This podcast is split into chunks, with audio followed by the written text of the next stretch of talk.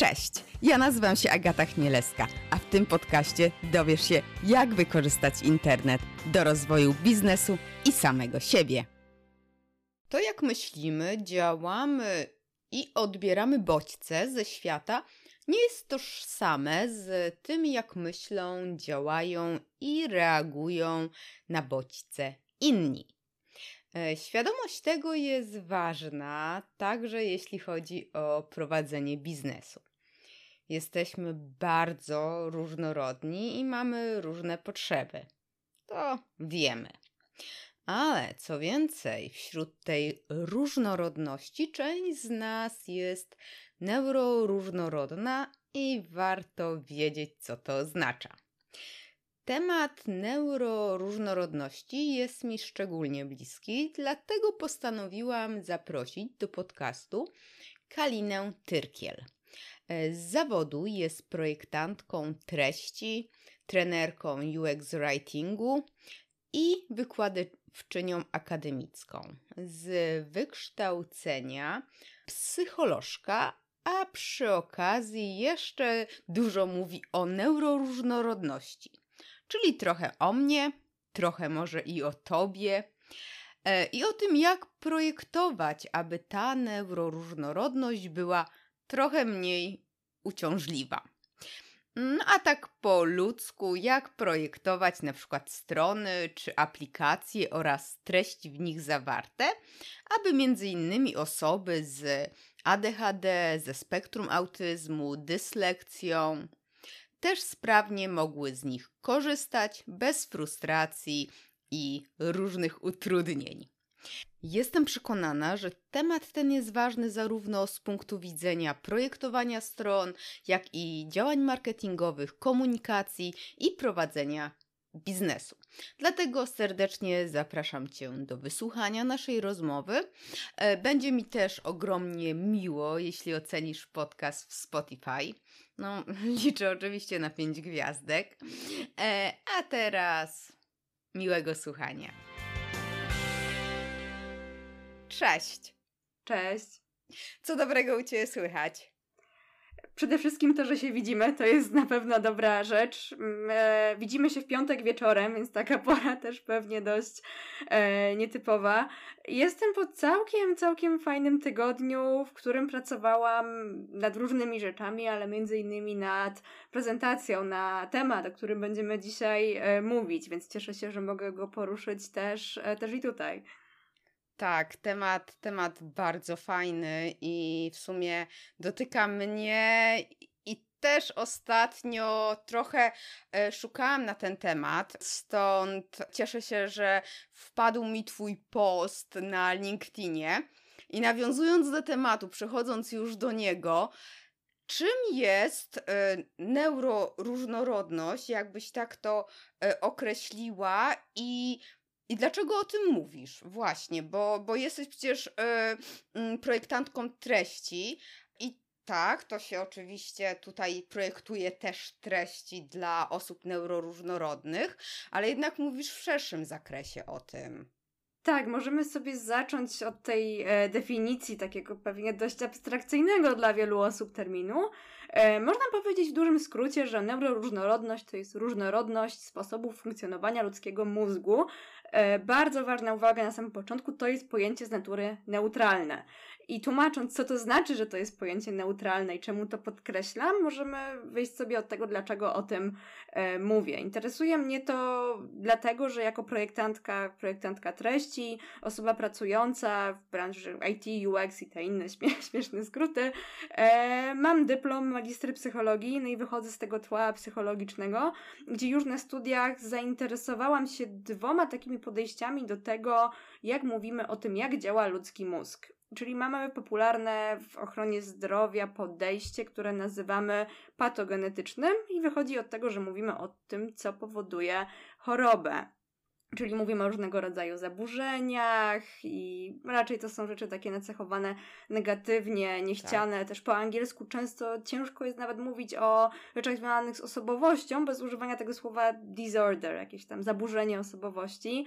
Podobnie jest też e, po polsku. A z drugiej strony mamy to podejście salutogenetyczne, gdzie nie skupiamy się na tym, okej, okay, co nas czyni chorymi, ale myślimy sobie, skąd to się bierze, że my właściwie jesteśmy zdrowymi, dobrze funkcjonującymi osobami. No i od tego podejścia salutogenetycznego e, można też przejść do czegoś, co leży u podstaw właściwie mówienia o neuroróżnorodności, czyli do społecznego modelu niepełnosprawności. To podejście, to pojęcie neuroróżnorodność to jest pojęcie dość młode, wymyślone przez e, socjolożkę, e, przez e, Judy Singer i wychodzi od tego, że nie mówimy o niepełnosprawności, tylko właśnie o tej neuroróżnorodności, że mózg sobie może działać inaczej, ale to nie jest coś z gruntu negatywnego, inaczej niż ogólnie przyjęta, inaczej niż ogólnie przyjęta norma.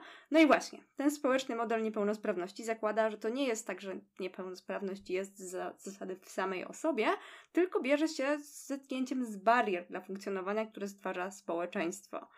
E, więc pokrótce można by było tak ten temat zarysować. To my, jako społeczeństwo, jako projektanci, projektantki też, tworzymy takie sytuacje, gdzie ktoś może być określony jako osoba niepełnosprawna. Gdzie jeżeli rozwiązania byłyby właśnie projektowane też z myślą o potrzeb osób neuroatypowych, myślę, że to jest celne określenie mm -hmm. po polsku, no to inaczej trochę by to wyglądało.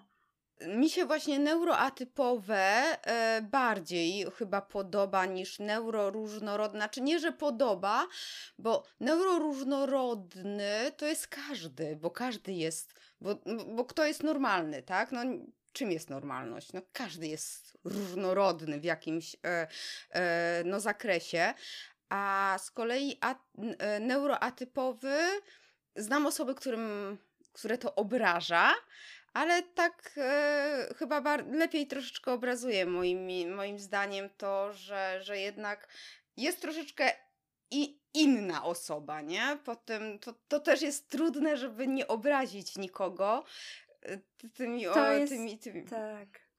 Tak, to jest w ogóle super ciekawy wątek, jak takie osoby chcą gdzieś tam gdzieś tam powiedzmy będące na tym spektrum neuroatypowości, różnorodności, tak. jak chcą być nazywane. Są osoby, które mówią, że ok, jestem na spektrum autyzmu i definiują się, nie mówią, że e, z autyzm, Asperger, nie używają tych diagnoz bardzo konkretnych, tylko mówią tak. spektrum i to jest tyle, tak jest w porządku. Są tak. osoby, które preferują być nazywane osobami autystycznymi. No i podobno, podobnie dyskusja, czy mówimy o sobie osoba z niepełnosprawnością, czy mówimy o osobach z niepełnosprawnościami, czy mówimy o osobach niepełnosprawnych. Że ktoś mówi o sobie niepełnosprawny, no i to jest jakaś taka czyjaś część, część tożsamości. Ten społeczny model niepełnosprawności często wiąże się z tym, że ktoś woli określenia niepełnosprawny. Myślę, że tak naprawdę wystarczy zapytać. To wszystko, jakby nawet te, te wszystkie, te wszystkie takie rozkminy, mówiąc prostą polszczyzną, można się, można sprowadzić do tego, żeby zapytać kogoś, jak chce być ta osoba nazywana. No, trochę inaczej sprawa wygląda, kiedy mówimy o produktach cyfrowych, kiedy tak jak ja jest się osobą projektującą treści, no i te zespoły UX writerskie muszą podjąć jakąś decyzję, czy stoją po tej stronie, że mówimy osoby z niepełnosprawnościami, czy osoby niepełnosprawne. I często, jeżeli widzi się takie wytyczne dla treści w różnych produktach, to tam jest e, wyraźnie określone, po jakiej stronie my, jako organizacja, jako produkt się opowiadamy. To słowo właśnie też się spotkałam z, z określeniem niepełnosprawne i dla mnie osobiście to jest pewnie jakaś może zaszłość, no ale tak mm, osobiście to odbieram, kojarzy mi się raczej z osobami niepełnosprawnymi, jak na wózku, że to jest ta fizyczna niepełnosprawność, nie? A yy, tak przynajmniej nie wiem, jak, z jakim ty, yy, z, z czym ty się spotykasz. Myślę, e. że to słowo może mieć takie konotacje, że kojarzy się z taką niepełnosprawnością widoczną. W ogóle, jeżeli się mówi o dostępności, o niepełnosprawnościach, to też bardzo często podnosi się ten temat też w kontekście projektowania i my, ja obecnie pracuję w firmie e, DocPlanner, na rynku polskim znana jako znany lekarz, więc tak. mamy tam sporo do czynienia ze zdrowiem w ogóle, jakby to jest to, co robimy. I też mamy w takich naszych wewnętrznych wytycznych e, bardzo wyraźnie podkreślone, że niepełnosprawności nie zawsze są widoczne, też nie zawsze są stałe. Jeżeli mamy różne takie systemy wytyczne mówienia o niepełnosprawności, materiały edukacyjne dla, dla projektantek i projektantów, tam często jest takie rozdzielenie, akurat Microsoft ma bardzo fajny podręcznik, źródła do tego, gdzie jest napisane, że jest e, niepełnosprawność stała, ale to też może być taka niepełnosprawność chwilowa albo sytuacyjna. Więc okay. prosty przykład wzroku. Ja tego też często używam, szczególnie jak prowadzę jakieś warsztaty. To mi się też dość często zdarza, albo na zajęciach ze e, studentami. E, mówię, ok, macie kwestię wzroku. Może być osoba niewidoma, nie, nie, niedowidząca permanentnie, a na przykład możecie mieć zapalenie spojówek i patrzenie na coś, co jest jasne, jest wyzwaniem. W ogóle patrzenie na ekrany jest wyzwaniem, a może też na przykład chwilowo was oślepić słońce i rzeczy, które nie mają odpowiedniego kontrastu na ekranie też będą problematyczne, jeżeli chodzi o zapoznanie się z nimi. Więc też te niepełnosprawności mają różne, różne wymiary. A czy też, yy, no tak mi się teraz wydaje, tak, że jak mam grypę, no to też w pewnym sensie mogę być niepełnosprawna, no bo mogę mieć, załóżmy, gorszy wzrok, bo załóżmy mam zauzawione cały czas oczy. Absolutnie tak, znaczy w ogóle funkcje poznawcze są trochę, e, trochę wtedy może nie w, nie w pełni możliwości, nazwijmy to tak. Jeśli chodzi o spektrum neuro różnorodności najczęściej oczywiście pojawia się kwestia, e, kwestie spektrum autyzmu, kwestie związane z deficytami uwagi tak zwanymi, czyli mhm. właśnie ADHD, też bardzo, bardzo częsty temat. Rzeczy związane z przetwarzaniem informacji, dysleksja, dyskalkulia e, też pojawiają się najczęściej. No i to jest taki kanon, można powiedzieć, tych rzeczy, które wpadają pod neuroróżnorodność, ale często się też rozszerza, e, rozszerza to spektrum o różne inne rzeczy, właśnie tak jak powiedziałaś, związane z stanami psychicznymi, z emocjami. E, już użyjmy tego słowa, bo trudno często znaleźć inne, szczególnie, e, szczególnie po polsku, związane z zaburzeniami psychicznymi, zaburzeniami osobowości. Też można powiedzieć, że to jest e, gdzieś tam na tym spektrum. E, często się też e, w tym ujmuje kwestia chociażby daltonizmu, osób, które nie widzą wszystkich, e, całego spektrum kolorów. Też mhm. czasem, się, czasem się to włącza pod ten neuroróżnorodny parasol, ale tak, jeśli chodzi o takie chwilowe niepełnosprawności, Stany emocjonalne jak najbardziej. Rzadko jest tak, że osoby, które korzystają z jakiegoś produktu są w takim idealnie zrelaksowanym stanie emocjonalnym, siedzą po prostu w laboratorium, mają ogromny monitor, najlepiej dwa monitory, jeszcze idealnie wygodne krzesło. No świat tak, tak. nie wygląda, więc można z pewną dozą pewności założyć, że przychodzą do nas ludzie, którzy no, są jednak w stanie jakiegoś napięcia i chcą je zredukować. Tak. Tak, tak y, kopię, tak dopytuję, żeby właśnie y, w sumie no, doszłyśmy do, do, do tego momentu, który tak nie planowałam, ale fajnie, że wyszło, bo w sumie każdemu z nas powinno zależeć, żeby się tym tematem interesować, bo każdy z nas w jakimś zakresie jest stale albo czasowo niepełnosprawny, neuroróżnorodny i trochę od tego, co zaczęłam, że co to jest, neuro, co to jest neuronormalność, tak? Każdy jest w jakiś e, sposób neuroróżnorodny.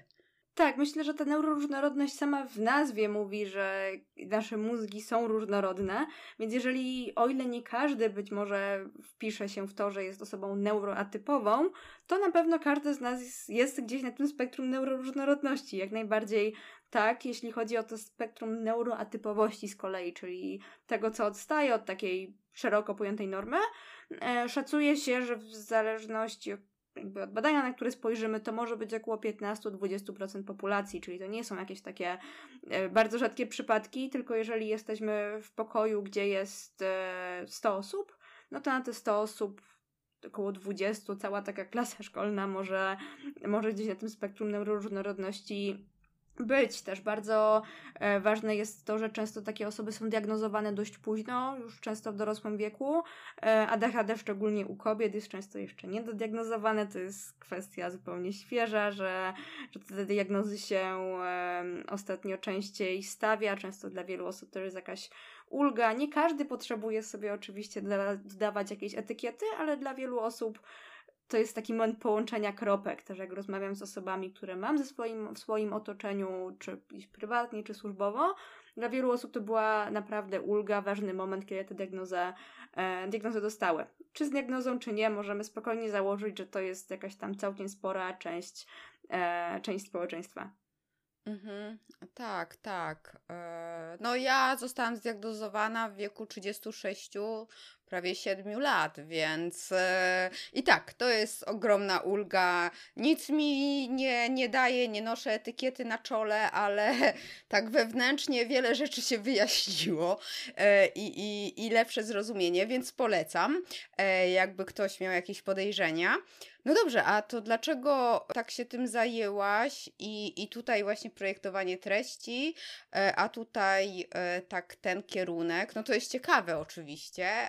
Myślę, że to wychodzi głównie z tego mojego podejścia, z wykształcenia też psychologicznego, że jednak kiedy patrzę na to, dla kogo się projektuje, jak e, te osoby mają interakcje z tymi produktami cyfrowymi, które się tworzy, to lubię sobie tak wejść jednak jeszcze te parę warstw głębiej, pomyśleć o tym, okej, okay, że nie mamy jakiejś jednej bardzo spójnej, idealnej persony, zresztą rzadko mamy w 100% taką personę, jak tam się gdzieś na, nam udało nakreślić, tylko te osoby w bardzo różny sposób mogą te informacje e, przetwarzać, więc samo to podejście, to, że mózgi działają różnie i to nie jest z natury ani dobre, ani złe, one po prostu działają różnie, to jest coś, co mnie zainteresowało. A czemu w kontekście projektowania treści? Myślę, że trochę z takiego niedoboru, e, z kwestii tego, że ok, jest trochę materiałów o neuroróżnorodności, że każdym rokiem coraz więcej i więcej, dalej stosunkowo mało, jeśli chodzi o projektowanie treści tekstu w ogóle, więc to jest jeszcze dość taki niedobadany temat, jest, jest tam jeszcze trochę kropek do połączenia. Ja też przygotowując się do prezentacji, którą będę dawać e, e, na konferencji UX New Zealand za dwa tygodnie, niecałe dwa tygodnie, tak? E, też zrobiłam takie małe badanie jakościowe, też przepytałam kilka osób, które gdzieś tam na tym spektrum neuroatypowości są. E, jeśli chodzi o ich preferencje związane właśnie z treściami, z tekstem. I wyszły tam rzeczy, które być może nie są jakoś super odbiegające od takiego w ogóle kanonu projektowania treści, od dobrych praktyk, ale to, co było bardzo wyraźne, że ta wrażliwość na rzeczy, które dla kogoś mogą być taką małą niedogodnością, jest o wiele większa. Dla kogoś to może być po prostu błąd krytyczny, to może być coś, co kogoś w ogóle odrzuci od na przykład wypełnienia o formularza, od zakończenia zakupu. Tam miałam takie przypadki, myślę, że to nie jest wcale rzadkość, że ktoś e, trzy razy kupił zły bilet, bo podczas tego procesu nie powtórzyliśmy w kluczowym momencie, okej, okay, kupujesz bilet na taką datę, na taki pociąg i tak dalej, tylko po prostu kazaliśmy komuś pamiętać. No i to jest po prostu, to jest taki podstawowy, wydawało, podstawowe wydawałoby się prawo UX-owe. Nie każ mi myśleć, nie każ mi zapamiętywać, ale jednak gdzieś tam się dalej często gubi, więc jeżeli wejdziemy w czyjeś buty, znowu wytarte prawo UX-u, ale nie zaszkodzi przypomnieć, jeżeli wejdziemy w czyjeś buty, zobaczymy jak taka osoba, e, czy to gdzieś na spektrum autyzmu, czy z ADHD korzysta z produktu, to łatwiej nam będzie takich sytuacji uniknąć. No i też myślę, że duża szersza grupa osób na tym, na tym też na pewno zyska. No, no właśnie, bo w sumie e, osoba, każdy z nas mógłby taki błąd popełnić, tak mi się Jasne. przynajmniej e, wydaje, że no, no ja tutaj akurat nie mogę przytaczać swoich, bo w końcu jestem w tej, tej grupie, ale tak jak sobie przypominam, no to też często tak tego typu rzeczy mi się zdarzało robić. No ale zwykle byłam myślami gdzie indziej, niekoniecznie to produkt e, cyfrowy e, był e, problematyczny. No dobrze, ale to powiedz mi, jeżeli w tym momencie podchodzimy do projektowania, projektowania tych treści, to, to my myślimy, ok, to to projektujemy dla neuroatypowych, a to dla wszystkich, czy to jakoś tak samo i po prostu po prostu myślimy tylko jeszcze dodatkowo o tej grupie osób, yy, tych 15-20%? Dobra wiadomość jest taka, że to, co będzie działać dla osób w tych 15-20%, zwykle będzie działać też dla szerszej populacji. Okay. Więc e, to jest, są często takie wytyczne ogólnodostępnościowe, tylko z, jakby tam wzięciem pod uwagę jeszcze potrzeb konkretnej grupy, które też będą służyć szerszej grupie odbiorców i odbiorczyń. Więc jeśli uprościmy język, napiszemy bardziej konkretnie, przypomnijmy kluczowe informacje na odpowiednich momentach ścieżki, to naprawdę wszyscy na tym e, skorzystają. Też trudno mówić o projektowaniu konkretnie dla osób z ADHD, czy konkretnie dla osób na spektrum autyzmu, z wielu powodów, na przykład z takiego, że te zjawiska są często współwystępujące. I też, kiedy robiłam te wywiady pod kątem mojej prezentacji, kiedy rozmawiałam z różnymi osobami, miałam sporo e, odpowiedzi od osób, które miały podwójne, potrójne często nawet diagnozy.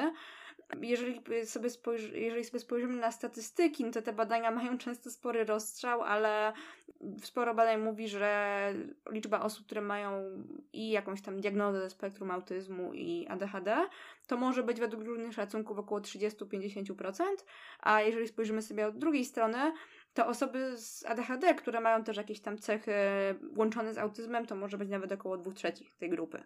Więc to nie jest wcale rzadkość, że to że te zjawiska gdzieś, gdzieś współwystępują. E, reasumując, projektując, włączając, myślę, że to jest słowo klucz, kiedy włączymy do naszego procesu projektowego osoby neuroatypowe, projektujemy tak naprawdę rozwiązania e, użyteczne dla wszystkich, bardziej właśnie włączające. No i to włączenie może występować z różnych stron. Możemy włączać te osoby w taki sposób, że, że zatrudniamy projektantki i projektantów, yy, os osoby neurotypowe, no i też takie osoby rekrutujemy do naszych badań, więc mamy wtedy bardziej zróżnicowaną grupę, z którą sobie te rozwiązania yy, walidujemy. Tak, to jeszcze tutaj y, mówisz o tym połączeniu ADHD i autyzmu, a często jeszcze dochodzą y, różnego rodzaju zaburzenia psychiczne. To też częste są chciałam powiedzieć, ubrać w jedno autyzm i ADHD, ale chyba nie ma jednego worka. Tych atypowościach, o. Tych niepełnosprawnościach, o. Tak, w no. tych zjawiskach w ogóle. dokładnie, dokładnie, dokładnie. E, to jest też ciekawa sprawa, bo szukałam badań, jak wiele osób z ADHD albo właśnie na spektrum autyzmu e, ma jakieś współwystępujące zaburzenia psychiczne. I tam jest tak ogromny rozstrzał od kilkunastu procent po praktycznie 80, też myślę, że ze względu na różne kryteria diagnostyczne, że trudno powiedzieć, ale na pewno to jest jakaś większa, e, większa grupa. Nawet jeżeli to nie jest zdiagnozowane zaburzenie psychiczne, to też jakieś, to też jakieś trudniejsze stany emocjonalne, chwilowe, chwilo, chwilowe czy takie właśnie okresowe, okresowe odczucia doświadczenia, takie jak na przykład żałoba, też mogą wpływać. My nie wiemy, do kogo my mówimy e, w tym momencie, jeżeli projektujemy jakiś produkt cyfrowy, nie mamy kontaktu twarzą w twarz z tą osobą. E, nie wiemy, czy tam nie ma na przykład osoby, która straciła właśnie kogoś bliskiego, albo jeżeli wysyłamy taką komunikację do szerszej grupy i życzymy komuś przyjemnego czasu spędzonego z rodziną, nie wiemy, jakie ta osoba ma relacje z rodziną, może to jest ostatnia rzecz, na jaką ma w tym momencie ochotę. Więc, e, więc no jest sporo, sporo takich e, odcieni, które warto mieć, e, które warto brać pod uwagę. Powiedz proszę, jak, jak ty sobie radzisz, jeszcze będąc e, cały czas przy treściach tak mocniej, no bo e, chcąc wyjaśnić tak bardziej e, łopatologicznie, ja to mówię, i dokładniej niek- niektóre rzeczy, tak? To, no to trzeba więcej słów często, zwłaszcza w języku polskim, użyć. No a znowu yy, za dużo słów, no to nie chcemy czytać, tak? Bo to jest za dużo. Przeładowanie treści i w ogóle już się robi chaos, bałagan na stronie. I jak to godzić? Tu jeszcze wrócę do tego, co powiedziałaś wcześniej, że y, mówiłaś o tym, że też kiedyś zdarzyło ci się jeżeli dobrze zrozumiałam, kupić złe bile, czy coś tam zrobić nie tak w jakimś tak. systemie rezerwacji. Tak, tak.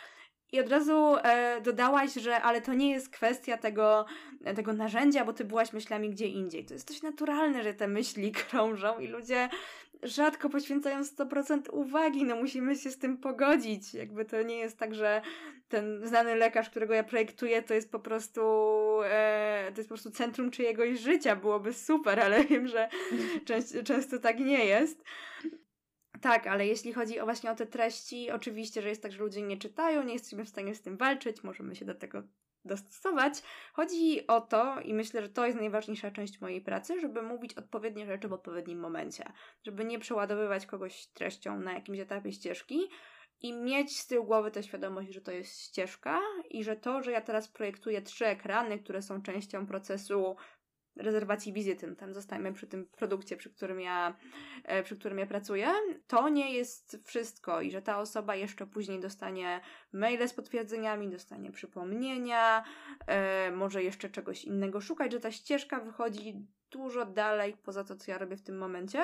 I być może jakieś szczegóły warto byłoby powtórzyć, być może przekazać w innym momencie, więc z tym przeładowaniem łatwiej jest walczyć, jeżeli wiemy, że my projektujemy całą ścieżkę i może coś można zaopiekować na innym trochę jej etapie. Może nie wszystko trzeba koniecznie wciskać na jeden ekran, to rozkładanie e, na, e, jakiejś ścieżki na kroki to też jest dobra praktyka i też oczywiście pisanie na jakim etapie się jest, to bardzo często pojawia się kiedy pytamy osoby neuroatypowe, ale nie tylko, o preferencje E, związane z wypełnianiem formularzy, żeby te formularze oczywiście były zwięzłe, żeby, żeby można było do nich wrócić. To jest super ważne, żeby można było sobie zapisać. Chodzi bardziej o to, o to rozłożenie tego obciążenia poznawczego.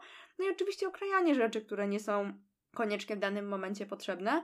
Jeżeli chodzi o język polski, tak, często jest tak, że w języku polskim jakieś tam elementy e, są trudniejsze niż do opisania niż w języku angielskim, szczególnie przez to, że język polski jest bardzo upłciowionym językiem i jeszcze jak chcemy pisać inkluzywnie dla płci, to wchodzi kolejny poziom skomplikowania, więc absolutnie się pracy, w pracy nie nudzę e, pod tym względem, ale no można się pocieszyć, że na przykład nie mamy jakichś problemów, które są w hiszpańskim czy w językach romańskich, więc no jest tego e, jest tego sporo, ale to nie jest też tak, że to jest jakieś nie wiem, budowanie rakiet, że to jest jakaś absolutna fizyka kwantowa i to jest nie do ogarnięcia.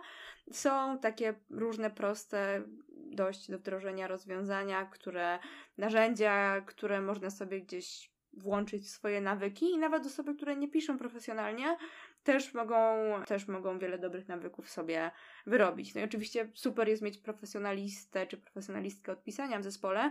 Wiem, że nie każda firma sobie na to może pozwolić, ale tak samo nawet jeżeli nie mamy armii UX-owo-badawczej, to też są jakieś rzeczy, które można w firmie, e, w firmie wdrożyć. Są różne, różne rozwiązania. Podobnie jest właśnie z takim inkluzywnym, neuroprzyjaznym, nazwijmy to, pisaniem, projektowaniem treści czy w ogóle produktów jak chciałam coś um, inaczej pokazać słowami, albo też yy, nie wiem, elementami interfejsu, żeby było coś prościej, trochę więcej, może inny font, właśnie bardziej czytelny font, zgodny z WCAG, e, no to wchodził tak zwany grafik, e, nie obrażając designerów absolutnie, od razu tutaj chylę czoła, bo nie mam y, waszych skilli, no to nie, nie, bo będzie brzydko, zabieramy ten, ten, ten, e, ten cały design e, z mm, layoutu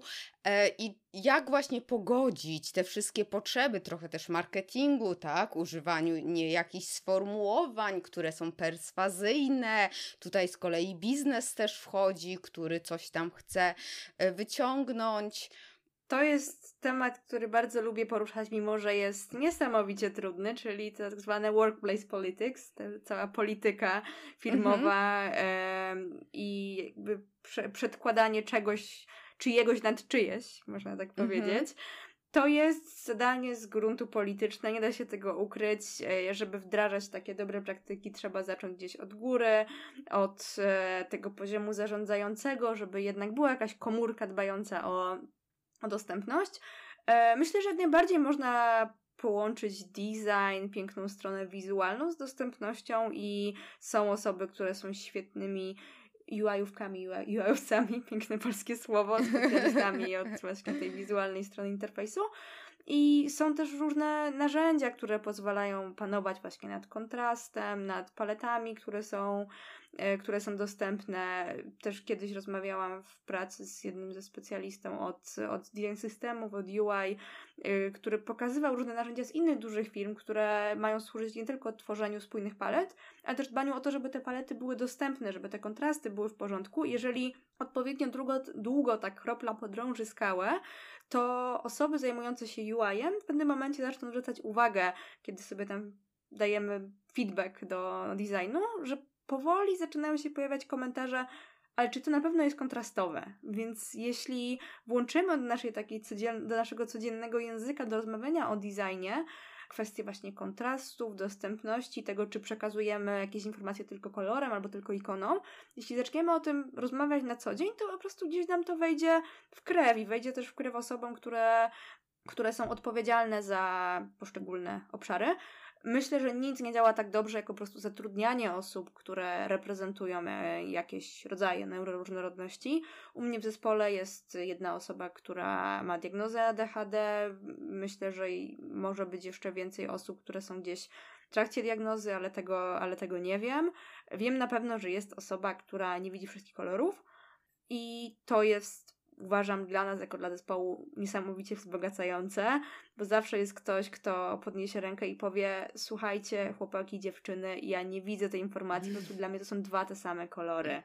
I nic tak nie sprowadza na ziemię niż taka osoba na pokładzie, od której ja też się uczę, kiedy ja potem widzę cokolwiek, co może być nie do końca dostępne, to ja potem wysyłam tej osobie z mojego zespołu zdjęcia i mówię, hej, co ty tutaj widzisz? Czy to jest jak, jakkolwiek dla ciebie zrozumiałe?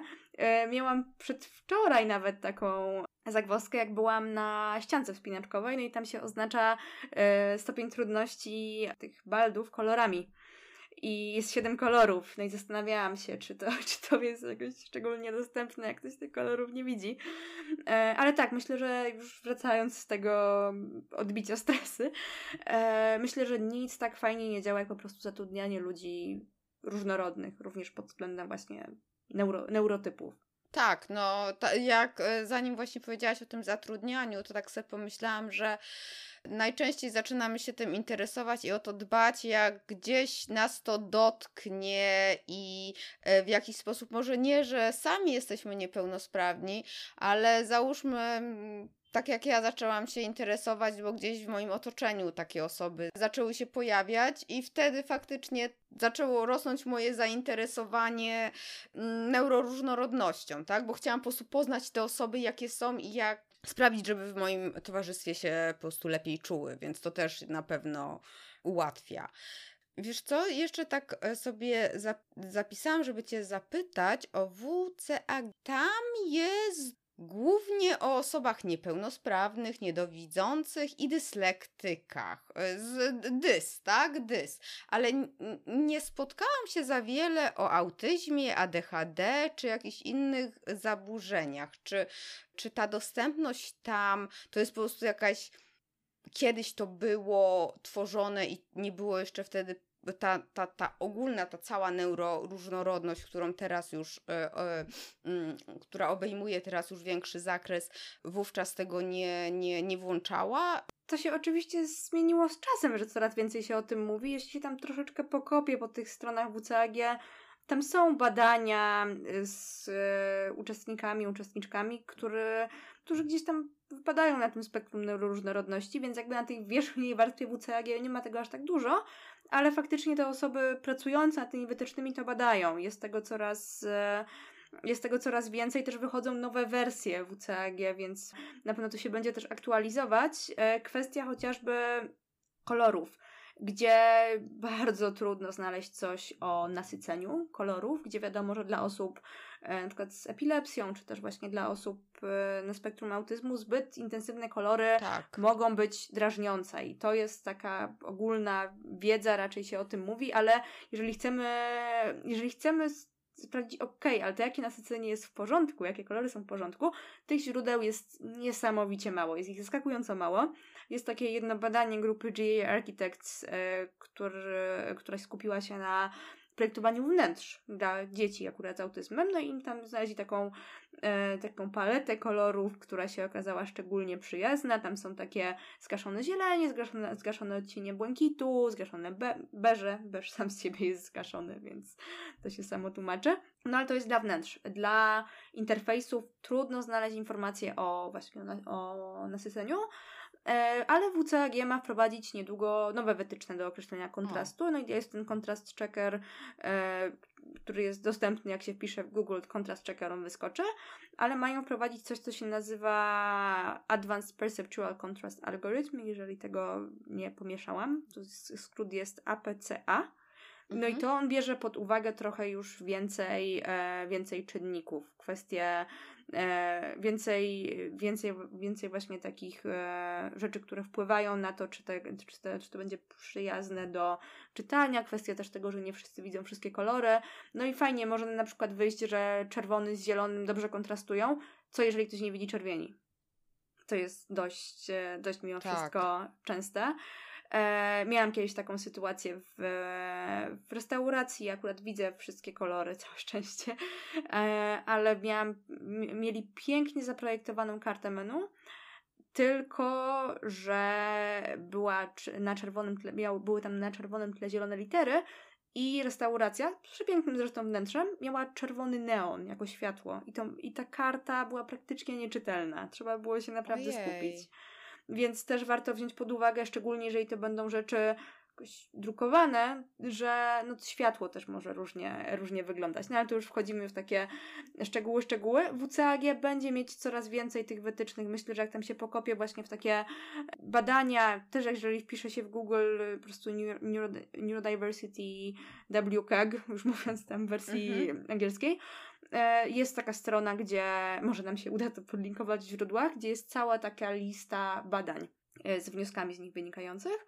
E, jest też taka strona neurodiversity.design i ona jeszcze jest, ona jeszcze jest w trakcie tworzenia, ale już tam jest dość sporo różnych wytycznych z podpiętymi źródłami, więc są, pojawiają się już miejsca, gdzie są takie skupione na neuroróżnorodności wytyczne właśnie dla projektantek i, i projektantów. Super, super. Na pewno podlinkujemy, na pewno, na pewno. I, I właśnie nawet takie pytanie do Ciebie mam, bo z jednej strony właśnie e, mamy używać kontrastów, ale jakich kontrastów, jakie to nasycenie, żeby właśnie osoby ze spektrum e, tam autyzmu nie, no nie stanowiło to problemu, nie? Bo nie mają być zbyt krzykliwe te kolory i, i ten... Tak, tak jak mówiłam, mało jest konkretnych, bardzo ugrupowanych, gdzieś wy, wykutych w kamieniu wytycznych. Tak. Myślę, że jeżeli szczególnie mamy e, produkt dla osób gdzieś na spektrum, taki tworzony z myślą szczególnie o nich, e, no to warto to po prostu przetestować, a i poza tym, jeżeli, jeżeli chcemy mieć to na uwadze, podchodzić mimo wszystko do tego kontrastu raczej e, do nasycenia, raczej mhm. konserwatywnie, raczej starać się, żeby te palety były zgaszone. Jeżeli na przykład wiemy, że to jest e, coś dla osób, które mogą być w bardzo dużym stresie, no to warto, warto mieć to na uwadze. E, załóżmy te pływające batony. Niedawno e, projektowałam koszyk zakupowy, no i tam co, co jak będzie mm, dużo produktów w koszyku, bo taki case, że tam może być dużo produktów, no to fajnie, żeby to podsumowanie jechało za użytkownikiem, czyli takie pływające menu. Później gdzieś tam jakaś animacja miała się pojawić, y, może już to poza koszykiem, tak, ale, ale jednak czy w tych zaleceniach dla osób neuroróżnorodnych jednak radzi się, żeby unikać tego typu rzeczy, e, animacje, jakieś wpływające menu albo jakieś takie e, różne atrakcje. Tak. Takie zalecenia e, zwykle powtarzają dwie rzeczy, myślę, dość uniwersalne. Po pierwsze, żeby nie działo się nic niespodziewanego, czyli te wszystkie takie scroll-jackingi, że nagle to przewijanie idzie w jakimś niespodziewanym kierunku albo robi się szybsze. E, to jest ryzykowne i może kogoś e, może, może na kogoś wpłynąć negatywnie. E, szczególnie to też może dotyczyć jakichś zaburzeń błędnika nawet czasem. Jeżeli mhm. ten scroll jest jakiś bardzo agresywny, to to może być to dla kogoś wyjątkowo nieprzyjemne. Najważniejsza rzecz z animacją, e, po pierwsze, żeby nie działa się niespodziewanie, żeby, żeby nie było tak, że ona się nagle gdzieś zaczyna pojawiać, zaczyna bardzo szybko migać. Dzisiaj coś takiego widziałam na stronie akurat sklepu obowniczego gdzie była nagłówek z promocją, tam minus 30% i on migał jak czasem takie neony w budce z kebabem. To, mm-hmm. było, to było, mówi się o tym, że akurat w WCAG jest e, napisane, że nie wolno absolutnie po prostu pod żadnym pozorem dodawać animacji czegokolwiek, co mruga częściej niż trzy razy na sekundę. To mrugało dużo częściej i jakby to jest takie absolutne, absolutne nie. Więc żeby to nie było na autoplayu, to, to na pewno jest y, ważna wskazówka.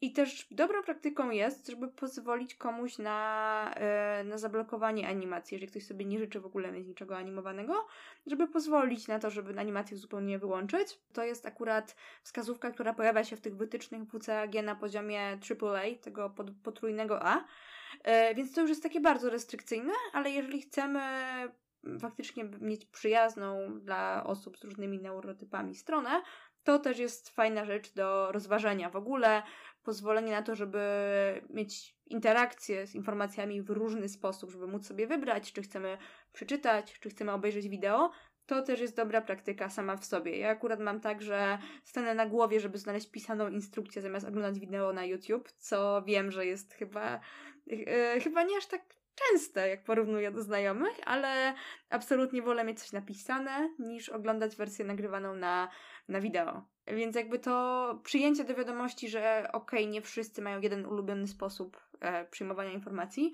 jeżeli możemy, fajnie dać różne sposoby dotarcia do niej, czyli wideo, wideo z napisami, transkrypcja, jak najbardziej w porządku. Ja lubię podcasty, jeżeli gdzieś jadę samochodem, jeżeli sprzątam, ale jeżeli szukam konkretnej informacji, to jednak lubię mieć transkrypcję tego podcastu i sobie potem ją e, w tej transkrypcji znaleźć. Więc takie czysto e, rozrywkowe jak najbardziej ok, jeśli to jest tylko w wersji audio. Jeżeli to są takie podcasty branżowe, to transkrypcja, transkrypcja często jest dla mnie czymś, z czym się w pierwszej kolejności zapoznaję. Jak dać ten wybór? Bo wyobrażam sobie, że jest strona, gdzie mamy jakiś content, no i chcemy dać osobie wybór, czy ogląda film, czy sobie to przeczyta.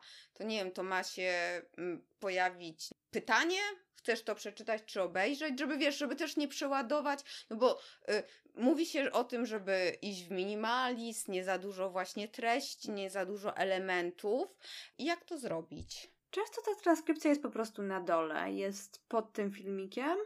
E, myślę, że to jest też kolejna rzecz, którą można przetestować na grupie docelowej, ale też ludzie mają oczekiwania, jeżeli już widzieli jakieś rozwiązania gdzieś w internecie, więc jeżeli zobaczyłabym filmik, mówię akurat teraz o sobie, ale myślę, że to jest też takie dość częste zachowanie. Jeżeli zobaczyłabym filmik i szukałabym transkrypcji, po prostu poszłabym na dół. Zobaczyła, czy ona, e, czy ona tam jest. Albo dodałabym gdzieś u góry w opisie filmu e, taką notkę krótką, że transkrypcja jest, e, transkrypcja jest na dole. Albo nawet link do transkrypcji. Nawet jeszcze, jeszcze szybciej można szybko się, e, się przeklikać.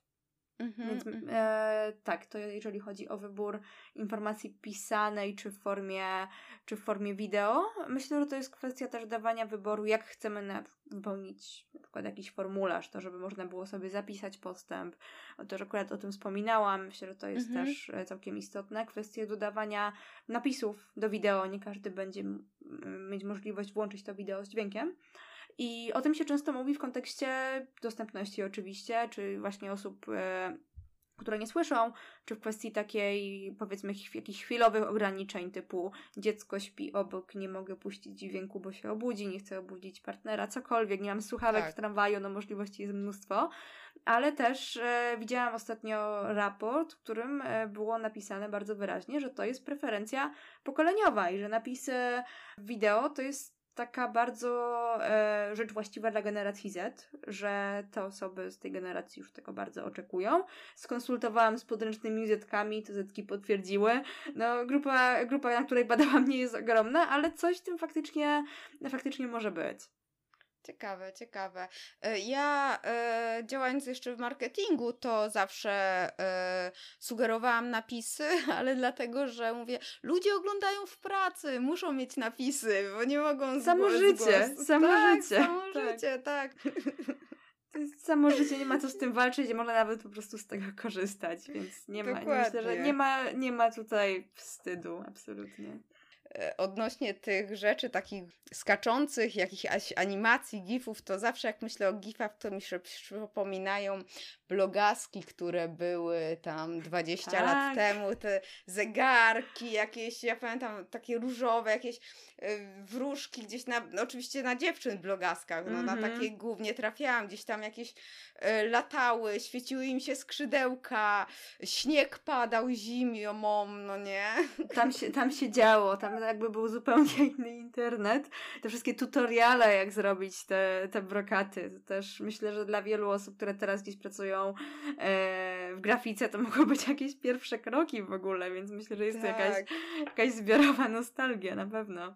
Tak, tak, tak. Pamiętam to bardzo dobrze. A jeszcze jest taka aplikacja Headliner App. To różnego rodzaju filmików, y, audio, wideo. Bardzo fajna, ale ma jedną straszną rzecz w wersji darmowej. W wersji płatnej nie wiem, chociaż w sumie sprawdzę, y, żeby nie tylko ich krytykować, że jak montuję film, czy tam jakiś projekt, który robisz i sobie wyjdziesz, zostawisz kartę i wrócisz do tej karty, to masz w tym pewnym momencie takie buf, bo podcast się odgrywa. Od y, audio podcastu oni po prostu jak czeka, nie możesz zamknąć karty przeglądarki, ona musi być otwarta, jak się tam coś renderuje.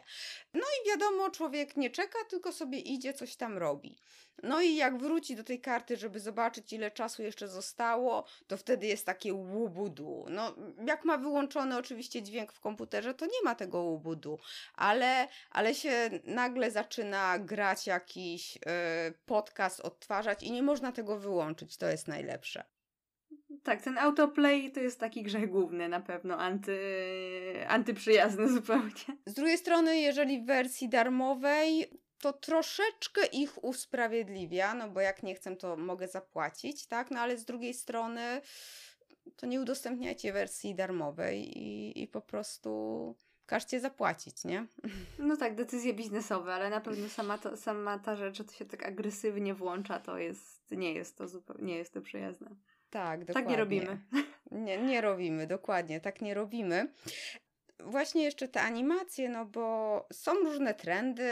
Mm, no i tak sobie przed naszym spotkaniem, e, jak e, też przygotowywałam pytania dla ciebie i też robiłam sobie jakiś research, to przeglądałam sobie różnego rodzaju trendy na, na ten rok, na 2023. No i oczywiście tam mówi się, wiadomo, o upraszczaniu, o dawaniu jakimś tam opcji dark mode, ale też było o animacji animacjach, jakichś interaktywnych grafikach. I chciałam się ciebie spytać, jak te, te trendy mm, z drugiej strony kurczę, bo tak zaczęłam pytać o te trendy, a, a sama mam podejście do trendów, że to jest troszeczkę takie wróżenie z fusów i tak naprawdę nikt nie wie, co, co wyjdzie. Ale z Twojej takiego doświadczenia, czy faktycznie idziemy w designie ku minimalizmowi i faktycznie takim upraszczaniu rzeczy i robieniu tego pod, pod lepsze przeglądanie stron, bo dla każdego z nas łatwiej się przegląda strony proste niż piękne i świecące i skrolujące nie wiadomo jak. Z trendami to jest tak, że od 2016 co roku mamy rok wideo, więc też I mobila. I mobile, więc e, może nawet wcześniej niż 2016, ale no to jakby są takie trendy, które są, są co roku ale już troszkę bardziej na poważnie. To też nie jest tak, że tym e, wojując e, dostępnością cyfrową chcemy absolutnie e, po prostu zrównać z ziemią wszelką kreatywność. Jak najbardziej jest pole na eksplorowanie animacji, palet kolorów i tak dalej, ale najważniejsze jest to, żeby to nie było czymś, co kogoś zupełnie zepchnie ze ścieżki do spełnienia swojego celu. Tak. I ja do tego podchodzę podobnie Myślę, że to jest dobra metafora. e, jak do używania humoru i metafor właśnie w treściach, bo też mamy kwestię tonu e, w projektowaniu treści, mamy kwestię tego, czy używamy troszeczkę humoru, czy dodajemy trochę takich opisowych, żartobliwych elementów. E, no i to wszystko jest fajne, w zależności od, oczywiście od produktu. Wiadomo, Discord, który jest narzędziem głównie dla osób gdzieś tam związanych z graniem, e, związanych z graniem w gry wideo, w gry komputerowe. E, Discord sobie może pozwolić na trochę więcej humoru, bo to jest trochę inna grupa odbiorców i odbiorczyń niż u mnie w znanym lekarzu, gdzie przychodzą osoby w dużym stresie szukające szybkiego terminu u lekarza.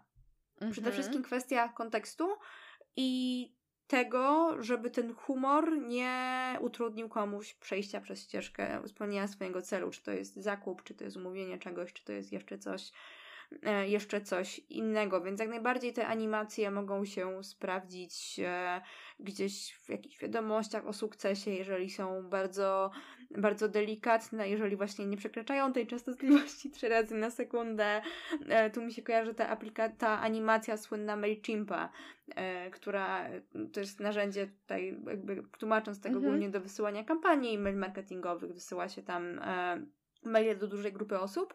No i ustawianie takiej kampanii może być dość stresujące. Tam jest dużo zmiennych, wchodzą w grę często duże budżety. No i jak się tę kampanię wysłało, to MailChimp miał, bardzo długo miał, nie wiem czy dalej ma, e, taką animację, że ta małpka, którą oni mają w logotypie, e, wyjmowała łapkę jakby tak przybija, przybijała ją do ekranu i bardzo dużo osób, ja to widziałam na żywo, ale widziałam, że ludzie to wrzucali w media społecznościowe, wrzucało e, zdjęcia, jak też zbija piątkę z tą animacją, więc to był taki, taki, taki roz, jakby po prostu rozbrajający emocje na koniec, takie uff, poszło, taki miły dodatek gdzie dodawanie takich animacji w momencie, kiedy ja jestem skupiona, kiedy ja chcę wypełnić poważny formularz, byłoby absolutnym strzałem w stopę. Ale kiedy już mamy informacje o sukcesie, jakby ścieżka została zakończona, wszystko jest dobrze, już jesteśmy bezpieczni, to możemy sobie tę piątkę zbić.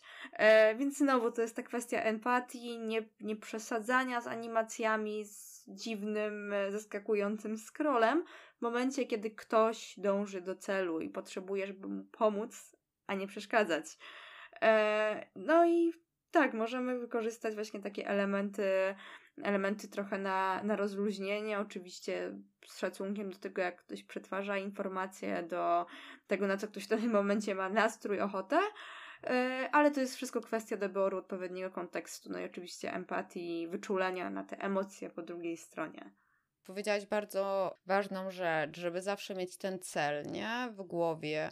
Jak zrobić, żeby ta osoba doszła do celu? I ja też mam takie w głowie, czy moja mama by, by była w stanie przejść? E, czy, czy to jest na tyle proste, że czytając komunikaty, używając czy telefonu, czy komputera, byłaby w stanie to wykonać? Tak, ja sama często wysyłam, jeżeli piszę jakiś tekst, który jest skierowany do takiej ogólnej grupy, odbiorców i odbiorczyń, to zdarzało mi się wysyłać go do mamy z pytaniem: Mamo, czy dla ciebie to jest bełkot, czy to jest zrozumiałe?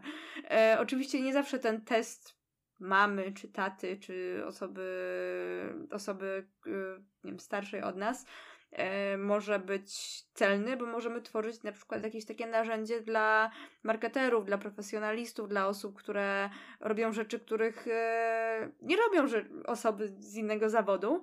Więc to nie zawsze może być najlepszy, najlepszy adres, ale też warto pamiętać, że eksperci i ekspertki mają mało czasu, ten czas jest cenny i też bardzo docenią, jeżeli przez jakiś proces przyjdą szybko, sprawnie, z szacunkiem dla ich czasu. Więc, e, więc ta motywacja tutaj jest bardzo podobna tak mi teraz przyszła myśl, bo dzisiaj byłam w Rosmanie. Tam są kasy samoobsługowe i mimo, że zawsze z nich korzystam, zawsze ten sam problem mam, że nigdy nie wciskam tego przycisku zaczynam, tylko zawsze tak. chcę zacząć od... O Boże, tak, absolutnie tak. Powiem tak, bardzo ciekawym było obserwować osobę z, ze spektrum autyzmu, z Aspergerem, która korzysta z tej kasy. Um, nie przeczytała komunikatu i cały czas była na punkcie zaczynam, a myślała już, przykładała kartę do, do czytnika, bo była pewna, że już to jest ten etap, kiedy musi płacić, tak? Bo sobie tam w telefonie coś robił i to już powinno zadziałać, tak? Bo w jego świecie tak to zawsze wszędzie jest. Tak. Więc tak, Rossman, e, możecie coś zmienić e, w tych kasach. Dla mnie kolejny krąg piekielny takich kas samoobsługowych to są kasy pewnego e, sklepu spożywczego z, z owadem w logo. Tam jest też o wiele bardziej skomplikowany proces kasowania, bo często coś trzeba zważyć, czegoś nie ma w bazie, więc tam jakby liczba po prostu możliwych e, błędów jest, jest chyba nieskończona i też domyślam się, że to jest dużo trudniejsze do zaprojektowania, ale tak, kasy samoobsługowe nie są moim ulubionym rodzajem technologii do korzystania. Za to jeśli będziecie mieć słuchacze i słuchaczki, osoby, które nas zaglądają kiedyś okazję skorzystać z kiosku samoobsługowego w Ikei, to polecam się przyjrzeć temu, jak to jest zrobione, bo jest zrobione moim zdaniem całkiem sprytnie. Ten kiosk sugeruje, że tam na przykład można wziąć jakiś zestaw. To jest akurat kiosk, e, nie, nie kasa, tylko kiosk taki tam tej sexy gastro.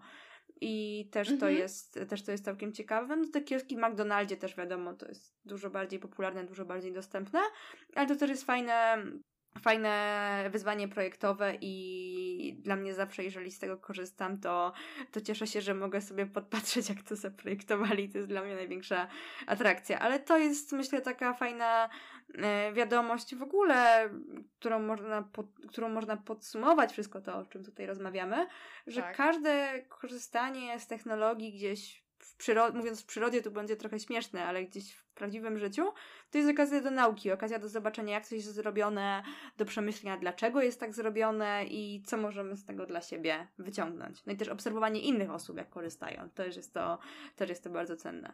Zdradziłabyś jeszcze coś e, z tych badań, które robiłaś do prezentacji, jakąś może ciekawostkę, która ci wyszła? Nawet nie ciekawostkę, tylko rzecz, którą się dowiedziałaś, rozmawiając z, z osobami neuroróżnorodnymi.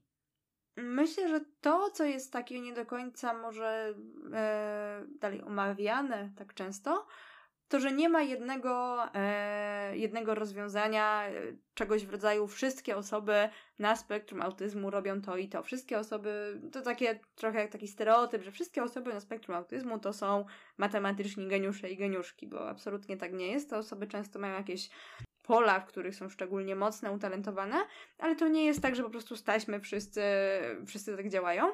Mogą mieć e, osoby na spektrum, osoby z ADHD mogą mieć bardzo różne preferencje, mimo tej samej diagnozy, jeśli chodzi na przykład o organizację czasu. Mogą być osoby, dla których takie robienie list rzeczy do zrobienia super działa, a mogą być takie, dla których zupełnie nie działa. Więc ta kwestia uszanowania tego, że te osoby mają różną organizację pracy, też jest jak najbardziej istotna.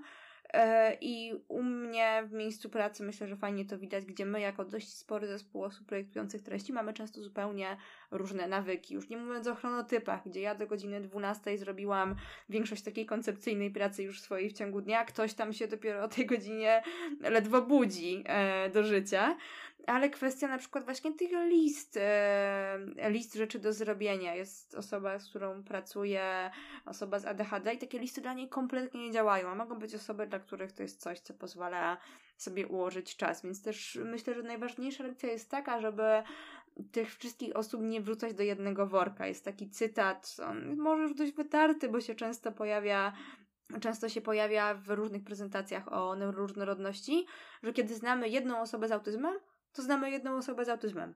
Jakby te, te zwyczaje, te preferencje mogą być dalej bardzo różne. Są oczywiście jakieś ogólne tendencje, ale to dalej są bardzo indywidualne, często sposoby funkcjonowania i bardzo podobnie zresztą jak jest z ogólnie pojętą grupą użytkowników, użytkowniczek jakiegoś produktu. Też y, są te różnice indywidualne i warto o nich pamiętać, stąd właśnie te, e, stąd właśnie te dobre praktyki, żeby dawać komuś wybór, w jaki sposób będzie mieć interakcja, nie wyznaczać jedynej słusznej, jedynej słusznej drogi.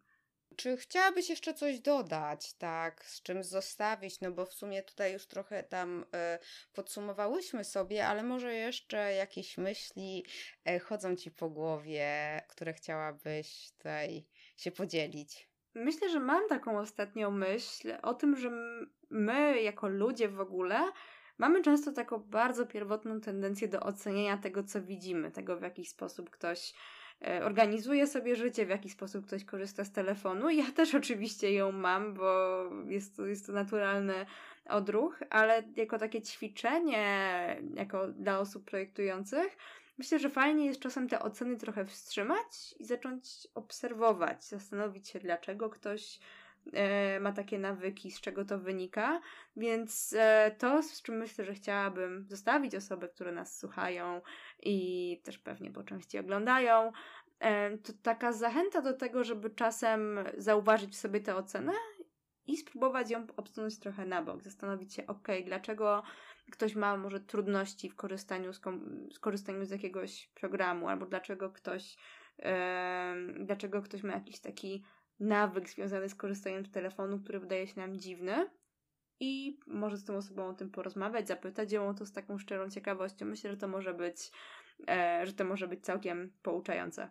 Tak, tak. Bardzo, bardzo, bardzo mądre to i, i tutaj się zgodzę, że mamy tą tendencję troszeczkę taka, taka w nas wrośnięta i no, no w sumie tak jest, no trochę nam się wydaje, że wszyscy mają tak jak my, no nie? No a tak nie, nie do końca jest yy, zawsze. Super, ślicznie Ci dziękuję za, za rozmowę, za znalezienie czasu e, w piątek wieczorem. No i cóż, trzymam kciuki za konferencję i za to, żeby udostępnili gdzieś nagranie i, i prezentację, bo jestem bardzo ciekawa. Też e, za, za Twój rozwój w tym temacie, a także dzielenie się dalej wiedzą, bo, bo bardzo interesujący temat. Super, bardzo dziękuję za zaproszenie i za to, że mogłyśmy o tym e, porozmawiać. Dzięki, trzymaj się. Dzięki, pa. cześć. Złożony to temat i jak widzisz, o wiele obszarów zahacza. Cieszę się jednak, że coraz więcej mówimy mm, o tym i coraz więcej firm bierze pod uwagę osoby neuroróżnorodne. Przyznam, że stresowałam się trochę przed tą rozmową. Mm, no, co nawet może i wyczułeś, wyczułaś w moim głowie. Mm, to jest taki trochę delikatny temat i nie chciałam nikogo urazić źle dobranymi słowami. No i mam nadzieję, że tak się nie stało. Znaczy, że nie uraziłam. Zachęcam Cię do obserwowania Kaliny na LinkedIn oraz przesłania linku do tego podcastu innym, aby jak najwięcej osób brało pod uwagę też osoby neuroróżnorodne linki do miejsc, o których e, rozmawiamy z Kaliną, a także namiary na Kalinę znajdziesz na achmieleska.com łamane na 108. A tymczasem niech uśmiech i konwersja będą z Tobą.